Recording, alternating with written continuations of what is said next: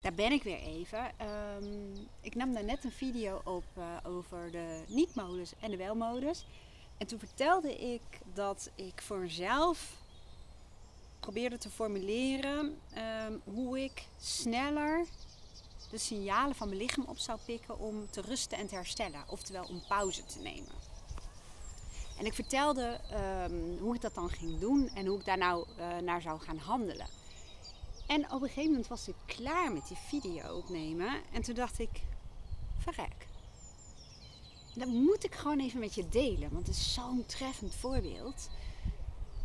Als je mij een tijdje volgt, dan weet je wel dat ik heel erg met uh, voice dialogue werk. Voice dialogue is een um, methodiek waarbij je um, gaat werken met je eigen persoonlijkheidskanten. Je hebt allemaal verschillende kanten in jezelf. Even heel kort geïllustreerd aan de hand van een metafoor. Die heb ik niet zelf bedacht. Die komt uit het boek Ik en mijn Ikke. Stel, je hebt een levensbus. En uh, zo'n stadsbus hè, waar heel veel mensen in kunnen. In dit geval kanten.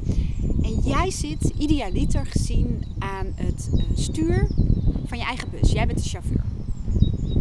En dan voor in die bus zitten allemaal persoonlijkheidskanten van jou. Die zijn eigenlijk, noemen ze dominante kanten, primaire kanten. En achter in je bus zitten de meer verstoten kanten. En dan heb je nog een midden van de bus, maar dat laat ik nu eventjes achterwege.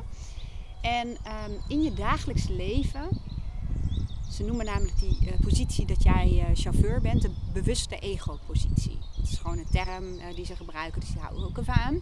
En um, in ons dagelijks leven is er vaak sprake van dat we um, gebruik maken van een handelend ego. En een handelend ego, zijn die verschillende uh, dominante kanten van jou. En dat gaat heel vaak onbewust. Wat dus net bij mij ook zo was. En um, waarom ik dit met je deel, is omdat je dan bij jezelf ook af en toe kunt nagaan van... Hmm, herken ik wel. Met misschien andere kanten. Ik vertelde hier nota bene dat ik vaker pauze moest nemen. En dat ik dus nu naar buiten ben gegaan om een late lunch te doen en even lekker in het gas te liggen, drie minuten. En in één keer dacht ik, potverdorie. Dat is dus mijn innerlijke pusher die gewoon aan mijn stuur is gaan zitten. En die zit daar wel heel erg vaak. Ik zit gewoon te vertellen over het feit dat ik helemaal in de flow terecht kan komen. En um, door kan slaan als ik uh, lekker aan het werk ben. En dat ik vaker pauze moet nemen. En wat zit ik te doen in mijn pauze? Hallo. Video's op te nemen. En dat komt omdat mijn pusher. Die heeft gewoon mijn stuur in handen. Of die zit zo dicht bij me. En die is me gewoon aan het misleiden.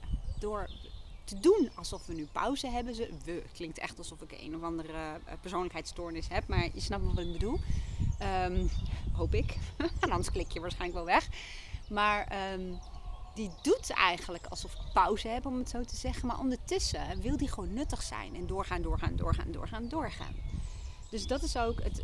Um, elke kant van jou heeft een beschermingsmechanisme. Die heeft gewoon een functie. En mijn innerlijke pusher, die heeft sowieso een, een soort kernovertuiging. Ik presteer, dus ik besta. Zoiets.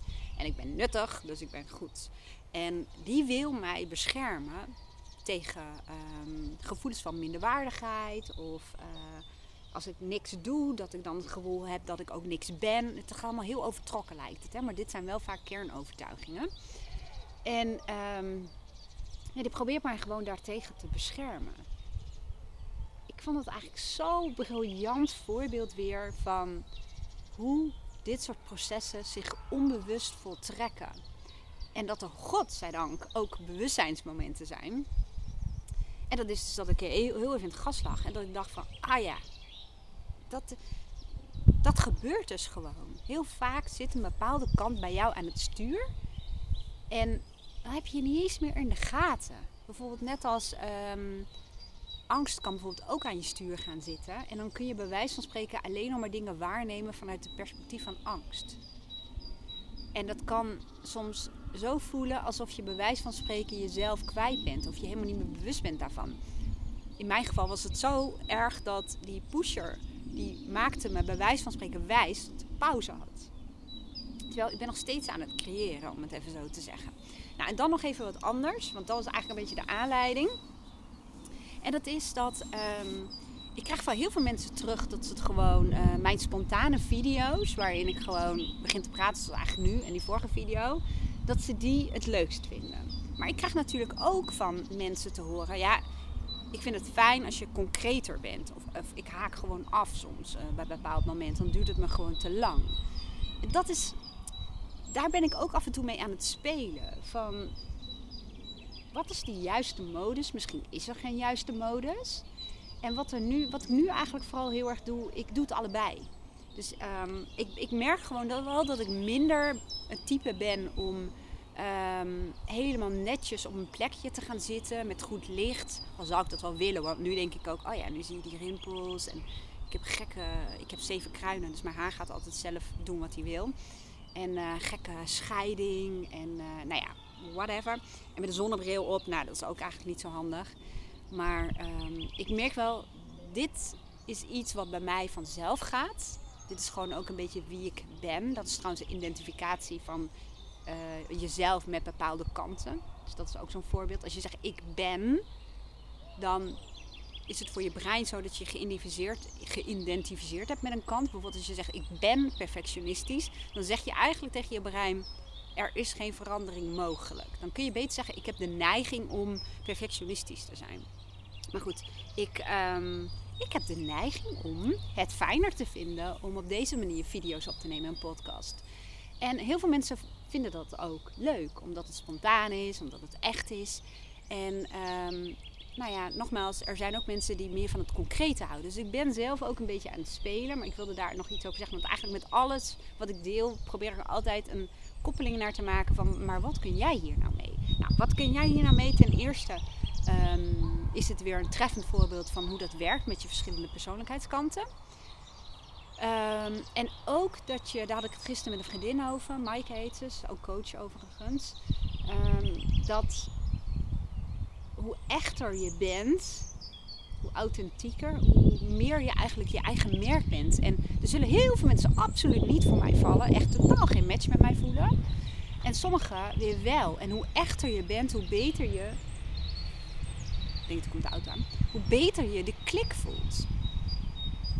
En dat is soms ook even ehm, spelen en ervaren. En dat ben ik eigenlijk op dit moment ook aan het doen.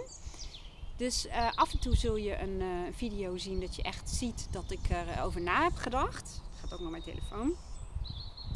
Uh, dat ik erover na heb gedacht. En dan, nou ja, meestal haak ik al af bij de juiste lichtinval. Want daar ben ik dan te ben, ben, ben, ben ik te ongeduldig voor.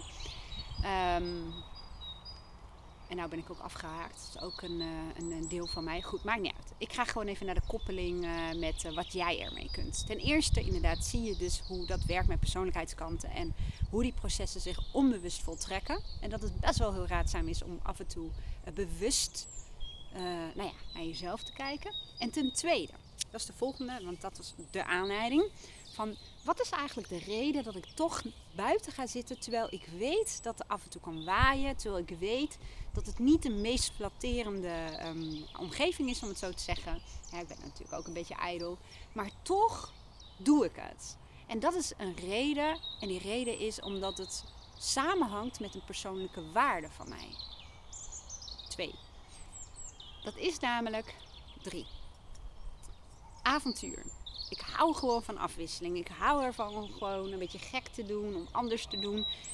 Ik kan op één dag, als ik geen afspraak heb en ik heb heel veel werk achter mijn laptop, kan ik gewoon soms op vier verschillende plekken werken. Dan begin ik daar, dan ga ik daarheen, dan ga ik daarheen. Um, en dat had ik als klein meisje eigenlijk al, dat ik echt heel erg van afwisseling hou en avontuur en dat soort dingen.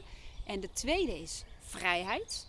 En voor mij is het gewoon opnemen in de tuin Terwijl heel veel mensen in een betonnen gebouw zitten. Ja, nu niet, want bijna iedereen werkt thuis. Maar um, gewoon buiten dit kunnen doen. Ja, is gewoon echt geweldig. Dat is ook een waarde. En nummer drie is um, ja, verbondenheid. En met verbondenheid bedoel ik verbondenheid natuurlijk als eerste met mezelf, maar ook met de natuur. En met de mensen omheen. En door hier zo te zitten in het gras, leef ik eigenlijk conform die drie persoonlijke waarden van mij. En dat is ook grappig, want als Aaron thuis komt en we gaan eten, ik zou het allerliefst, wat ik dus ook wel eens doe, echt in het gras gaan eten. Gewoon op de grond. Ik zit binnen ook vaak op de grond. En um, Aaron wil liever gewoon aan tafel zitten of op een stoel zitten in elk geval. En ik heb al gezegd dat ik hier in de zomer met een tent buiten ga slapen. Ik weet niet of ze meedoen, maar het lijkt mij gewoon leuk. En dat heeft ook te maken met je persoonlijke waarde. Het voelt gewoon ultiem vrij dat ik hier gewoon kan zitten. In de zon, buiten. En dit kan doen. Dat is gewoon super gaaf. Nou, ik hoop echt dat je nog enigszins een touw hebt vast kunnen knopen aan deze video. Dit is dus echt zo'n voorbeeldvideo um, waarin ik gewoon heel erg de inspiratie voel om iets te delen. Vanuit enthousiasme. Um, maar niet van tevoren helemaal heb uitgewerkt van uh, uh, welke kop en staart en welke structuur heeft dat. En soms zal ik dat wel doen. Dus dat. Nou, ik uh, ga ik stoppen en ik ga je vast nog wel vaker voorbeelden geven waarin ik zelf merk of bij klanten dat bepaalde persoonlijkheidskanten het zomaar over kunnen nemen zonder dat je daar bewust van bent. Nou, dankjewel voor het kijken. Ik wens je echt een hele fijne dag en tot de volgende keer.